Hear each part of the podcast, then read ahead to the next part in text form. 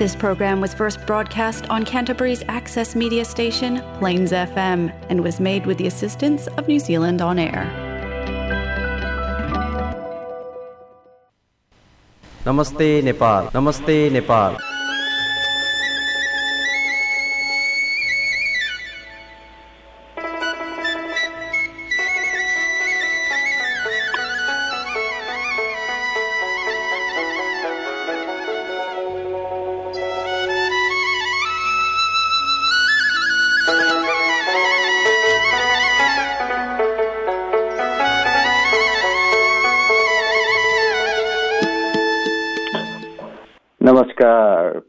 FM ninety six point nine mega हजमा यो हो क्राइस्टसवासी नेपालीहरूको आफ्नै कार्यक्रम कार्यक्रम Namaste Nepal. Nepal New Zealand friendship society क्यान्टरबरीको प्रस्तुति कार्यक्रम नमस्ते नेपालको एक अर्को अङ्कका साथ म यहाँहरूको घर आँगन रेडियो सेटमा उपस्थित भइ नै सकेको छु। क्राइस्टस आसपासमा यदि हुनुहुन्छ भने यहाँहरूले frequency मोडुलेसनको ninety six point nine mega हजमा कार्यक्रम नमस्ते नेपाल प्रत्यक्ष सुन्न सक्नुहुनेछ भने Plains FM dot ORG dot एनजेडमा गइसकेपछि क्राइस्टर्स बाहिर न्युजिल्यान्डबाट र संसारको जुनसुकै स्थानबाट पनि कार्यक्रम बेलुका आठ बजे सोमबार प्रदर्शित सुन्न सक्नुहुनेछ। त्यस्तै हामीले Namaste Nepal Christchurch New Zealand नामको फेसबुक पेजमा प्रसारण भइसकेका कार्यक्रमका पोडकास्ट लिङ्कहरू पनि सेयर गर्दै आइरहेका छौँ। त्यसमार्फत संसारका विभिन्न ठाउँ स्थानमा छरेर रहनुभएका श्रोताहरूले पनि हामीलाई सुन्दै र जोडिँदै आउनुभएको छ कार्यक्रममा। यही क्रमको सिलसिलालाई निरन्तरता दिन आजको साँझमा पनि उपस्थित भइसकेको छु। त्यसले ले रेडियो सुन्दै बस्नुभएका सम्पूर्ण श्रोताहरूलाई सधैँझै म विनोद। हजुर श्रोताहरू डेल्टा भेरिएन्ट देखिसकेपछि न्युजिल्यान्डमा लकडाउन लम्बिएको थियो र क्राइस्टर्समा पनि हामीले लकडाउन हुँदै गर्दाखेरि आजको कार्यक्रम पनि घरबाट रेकर्ड गर्नुपर्ने अवस्थामा छौँ भने अब मङ्गलबार राति बाह्र बजेपछि वा भनौँ अब बुधबार बिहानदेखि हामी लेभल थ्रीमा प्रवेश गर्नेछौँ। अब यो कार्यक्रम रेकर्ड गर्दासम्म लेभल थ्रीका कन्डिसनहरू के हुन्छन् भन्ने सार्वजनिक भइ नै सकेको छैन कार्यक्रम गर्दा भइसकेको छैन भने कार्यक्रम प्रसारण हुँदै गर्दा भने त्यसको डिटेल्सहरू आइ नै सकेको हुनेछ। अहिले डेल्टा भेरिएन्ट फैलिसकेपछि पछिल्लो अवस्थामा पाँच सय बैसठीको हाराहारीमा सङ्क्रमितहरूको सङ्ख्या पुगेको छ भने अहिले दुःखद रूपबाट फाइजर खोप लगाएकी एक महिलामा साइड इफेक्ट देखिएपछि खोपको असाधारण लक्ष्यका कारण उनको मृत्यु भएको दुःखद खबर पनि हामीले यहाँ प्रस्तुत गर्नुपर्ने अवस्थामा रहेका छौँ। त्यस्तै अब तालिबान सत्तामा फर्किसकेपछि धेरै अफगानहरू डराएको खबर पनि छ र पछिल्लो पटक काबुलको विमानस्थलमा बम विस्फोटन भइसकेपछिको अवस्थाप्रति चाहिँ यहाँहरू थाहा भइ नै सक्नु अवगत भइ नै सक्नु भएको अवस्था छ। जो अमेरिकी फिर्ताहरू हुनुभन्दा पहिले देश छोड्न हतारिएका छन् अब अहिले अफगानमा त्यस्तै त्यस्तै भइ नै सकेको छ। अब अमेरिकाले काबुल विमानस्थलमा एक लाखभन्दा बढी मानिसहरूलाई सुरक्षित रूपबाट बाहिर पठाएको पनि छ तर अझै पनि हजारौँ मानिसहरू इतिहासको सबैभन्दा ठुलो मध्येको एक यो उद्धार एयरलिफ्ट उद्धार मार्फत अफगान अफगानिस्तान छोड्न सङ्घर्ष गरिरहेका छन्। त्यस्तै भारत तर्फको पनि एउटा सकारात्मक खबरको रूपबाट लिएको छ। यो खबरलाई भारतको सर्वोच्च अदालतले कोरोना महामारीका कारण अनाथ बन्न पुगेका बालबालिकाको रेखदेख र शिक्षाको जिम्मेवारीको सुनिश्चितता गर्न राज्य सरकारहरूका नाममा आदेश जारी गरेको छ। बाबुआमा गुमाएका कारण कुनै पनि बालबालिका शिक्षाबाट वञ्चित हुन नपरोस् भन्ने उद्देश्यले यस्तो अदालतको आदेश आएको छ। त्यसलाई सकारात्मक रूपबाट हेरिएको छ। हुन त श्रोता अब कोभिडका कारणले धेरै खालका अप्ठ्याराहरू परिरहेका छन्। कतिहरू विदेशमा पुग्दाखेरि भिजा सकिएको अवस्था वा भनौँ टेम्पोररी भिजामा बसेको अवस्था पनि हुन सक्ने छ त्यस्तै न्युजिल्यान्डमा आर्थिक अवस्थाकै कारण घर फर्कन नसकेका भिजा सकिने लागेका वा भनौँ भिजा सकिएका र टेम्पोररी भिजामा भएकाहरूलाई पनि घर फर्कनका लागि न्युजिल्यान्ड सरकारले आर्थिक सहयोग उपलब्ध गराउन लागेको यो सुखद खबर पनि छ। यसरी विभिन्न खालका खबर सामग्रीहरूका नियमित प्रसङ्गहरूका साथ आज पनि यहाँहरूको घर आँगन रेडियो सेटमा उपस्थित भइ नै सकेको छु। आजको पच्चिसदेखि सत्ताइस मिनटको यो समय अवधिमा कार्यक्रम नमस्ते नेपाल सुनेर साथ दिने प्रयास गर्दै गर्नुहोला। अब अहिले नै भने जेबी टुरेको यो गीत यहाँहरूको लागि प्रस्तुत गर्दैछु।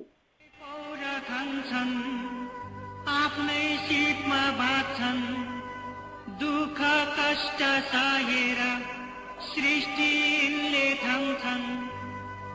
असल महान व्यक्तिहरू यिनैले जन्माउँछन्। ज्ञान गुण बुद्धिहरू यिनैले सिकाउँछन्।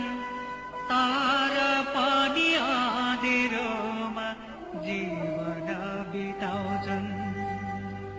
तर पनि आँधेरोमा जीवन बिताउँछन्। आमा दिदी बहिनी हो कति बस्छौ दासी भई सुखको सधैँ प्यासी बनेर आमा दिदी बहिनी हो कति बस्छौ दासी भई सुखको सधैँ प्यासी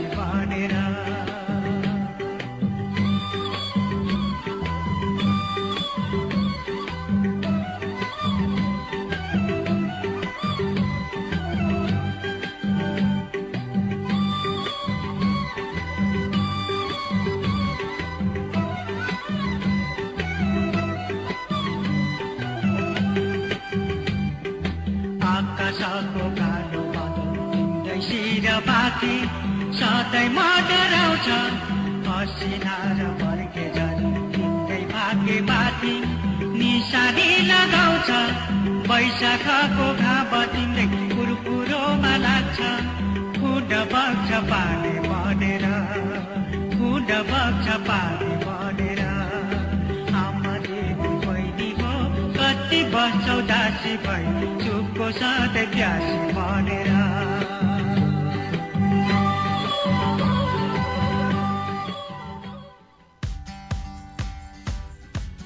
टेक अवे कन्टेनर र कपहरू अनि रोटी पाउरोटी राख्नको लागि प्रयोगमा ल्याइने झोलाहरू घरपालुवा पशु पन्छीका खाना राख्नका लागि प्रयोगमा ल्याइने झोलाहरू साना साना काठका उठ प्यालेट राख्नका लागि प्रयोगमा ल्याइने झोलाहरू तथा फ्रिजमा राखिने साग सब्जीहरू राख्नका लागि प्रयोगमा ल्याइने झोलाहरूमा के कुरा सम्मान छन्?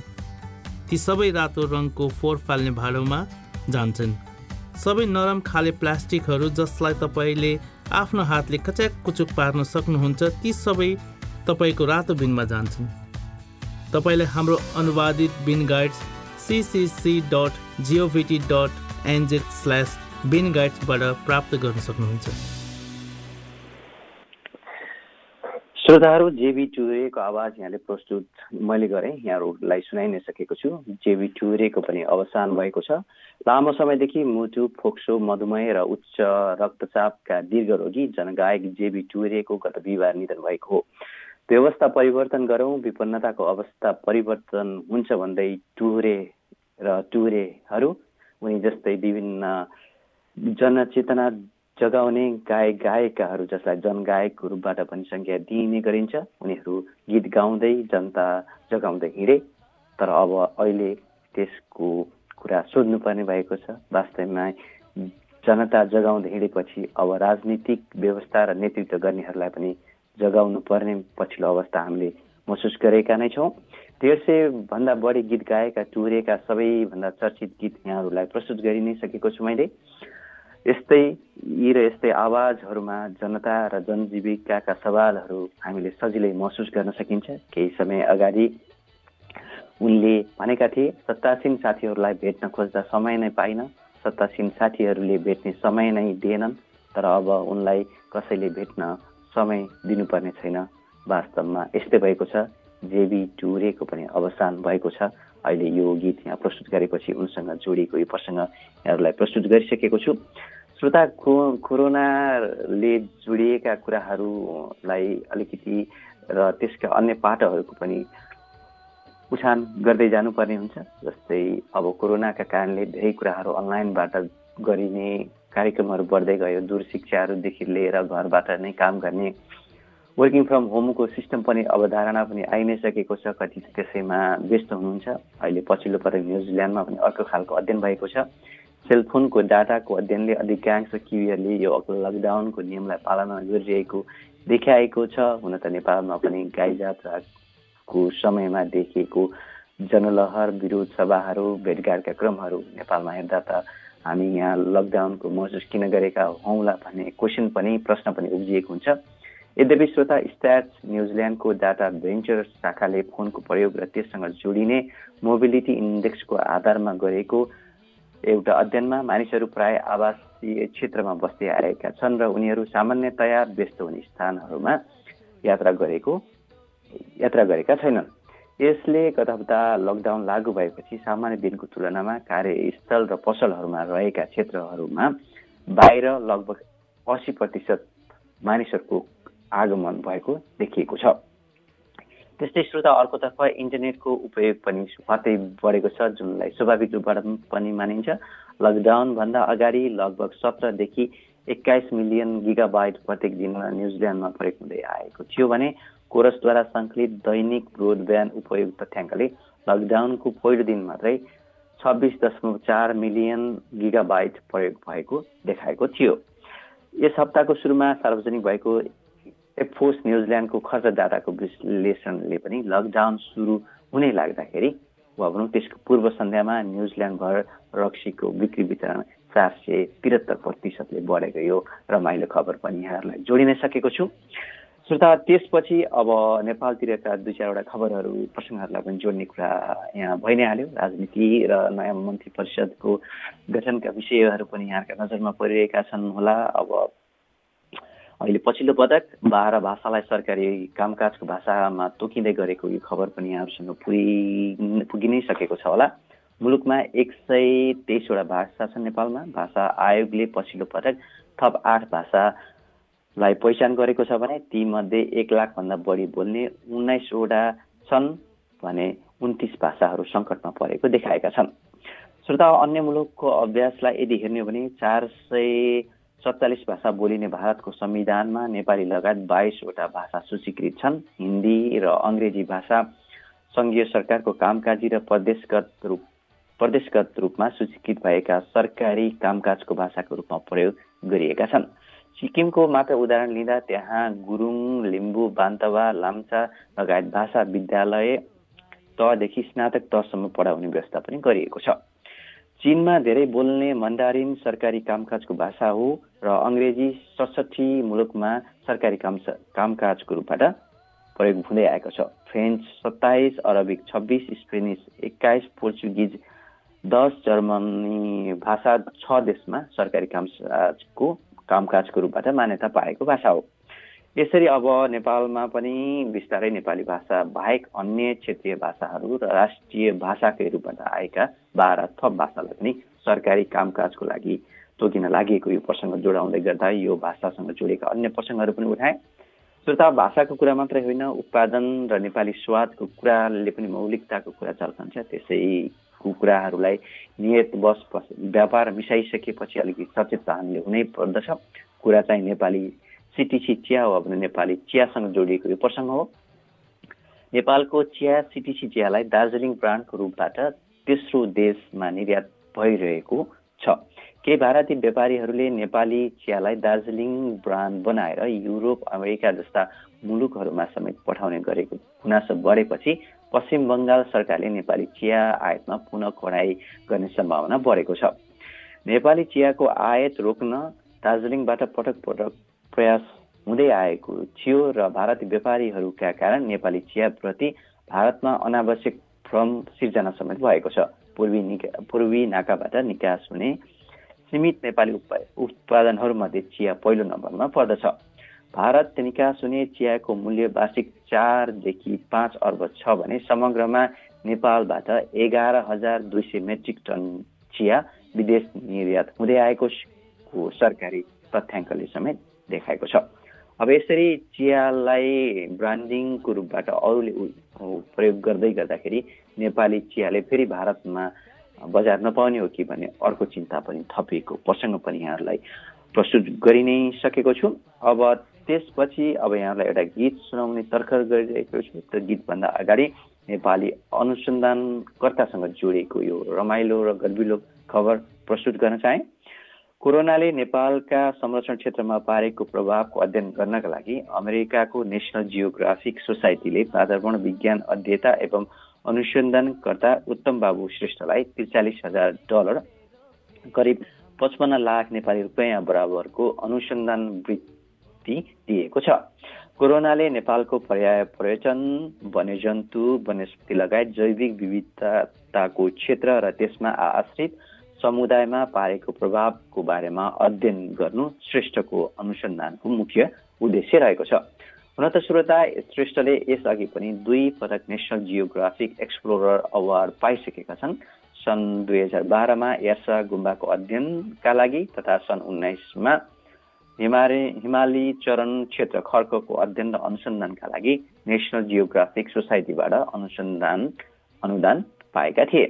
पछिल्लो पटक अनुसन्धान वृत्तका लागि विश्वभरका बाह्र सयजना अनुसन्धानकर्ताहरूले आवेदन दिएकोमा अन्तिम छनौटमा पढ परेका दसजनामा पर्दै अनुसन्धानकर्ता श्रेष्ठले उक्त अवार्ड पाएका हुन् र यो अनुदान पाउने श्रेष्ठ एकलान नेपाली समेत हुन्।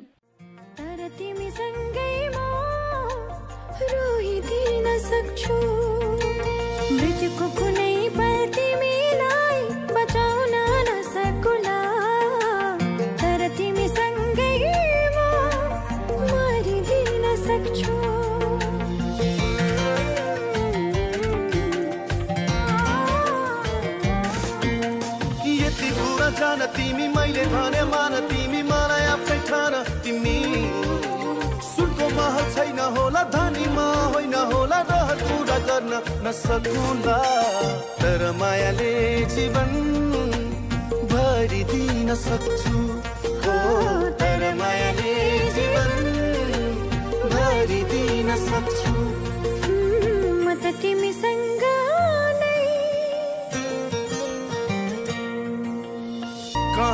हुन्छ र धनको माया धनी मनको माया पो हुन्छ मनकारी मनको आँखा खोली मलाई माया गर।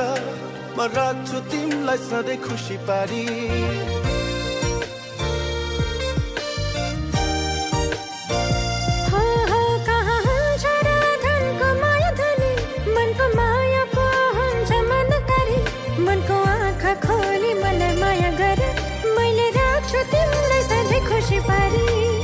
झरी परेको पल तिमीलाई ओतलाउन नसकुला तर तिमीसँगै म रुझिदिन सक्छु। मृत्युको कुनै पल तिमीलाई बचाउन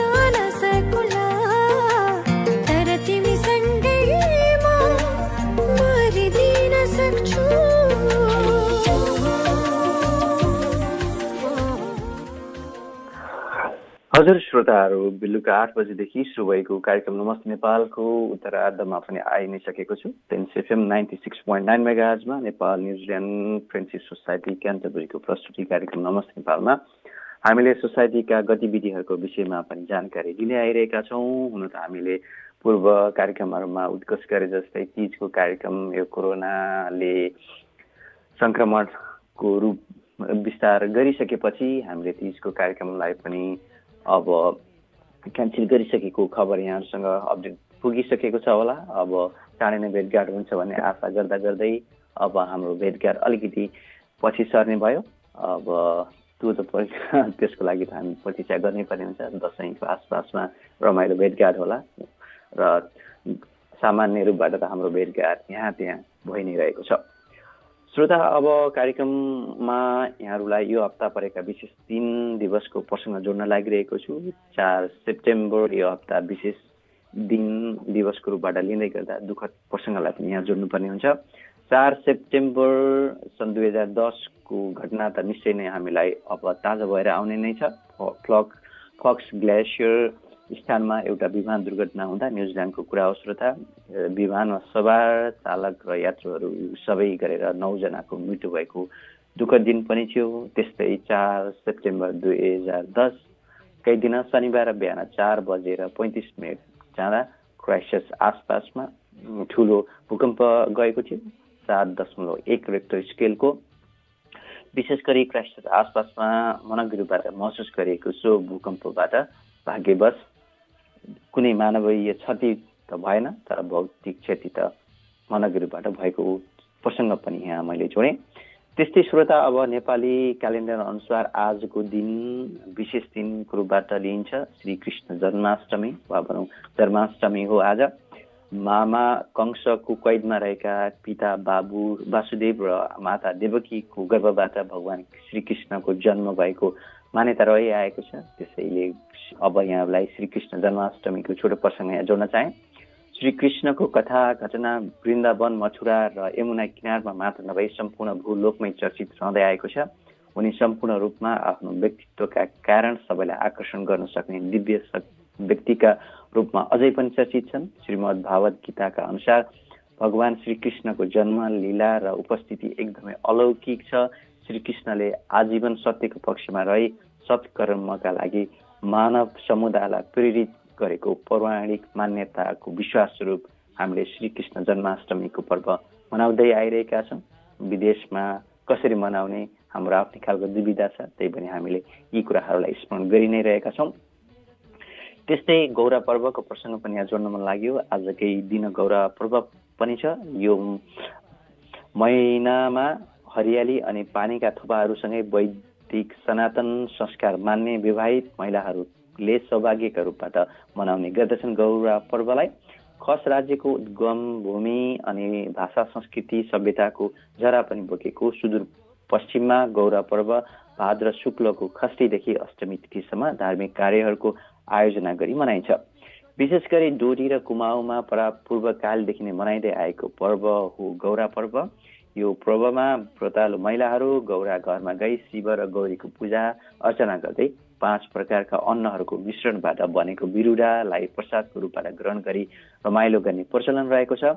यस चाड व्रत बसी शिव र गौरीको पूजा गर्नाले सुख शान्ति प्राप्ति र इष्ट कुलदेवता प्रसन्न हुने प्रसन्न हुने जनविश्वास पनि रहेको छ। श्रोता अब पश्चिमतर्फको रूपबाट लिएको भए पनि त्यो क्षेत्रबाट विभिन्न देशका विभिन्न स्थानमा छरिरहेका नेपालीहरू विशेष गरी अझ विदेशमै रहने हुने नेपाली महिला दिदीबहिनीहरूले पनि यो पर्व मनाउँदै आउनुभएको छ।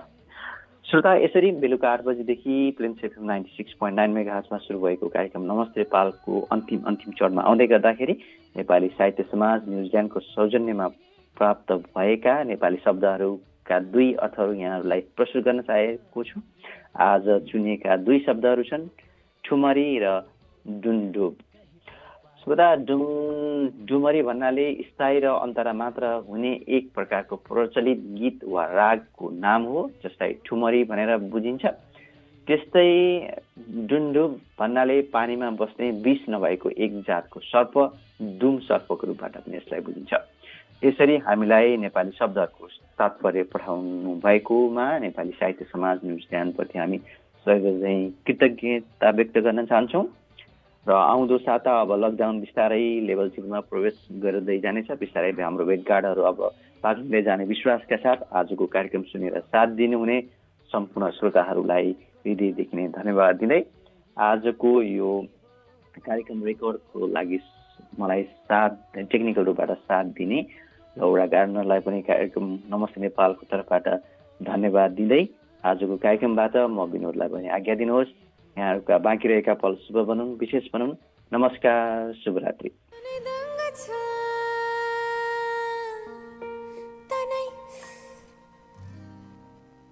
हालुङ्गो।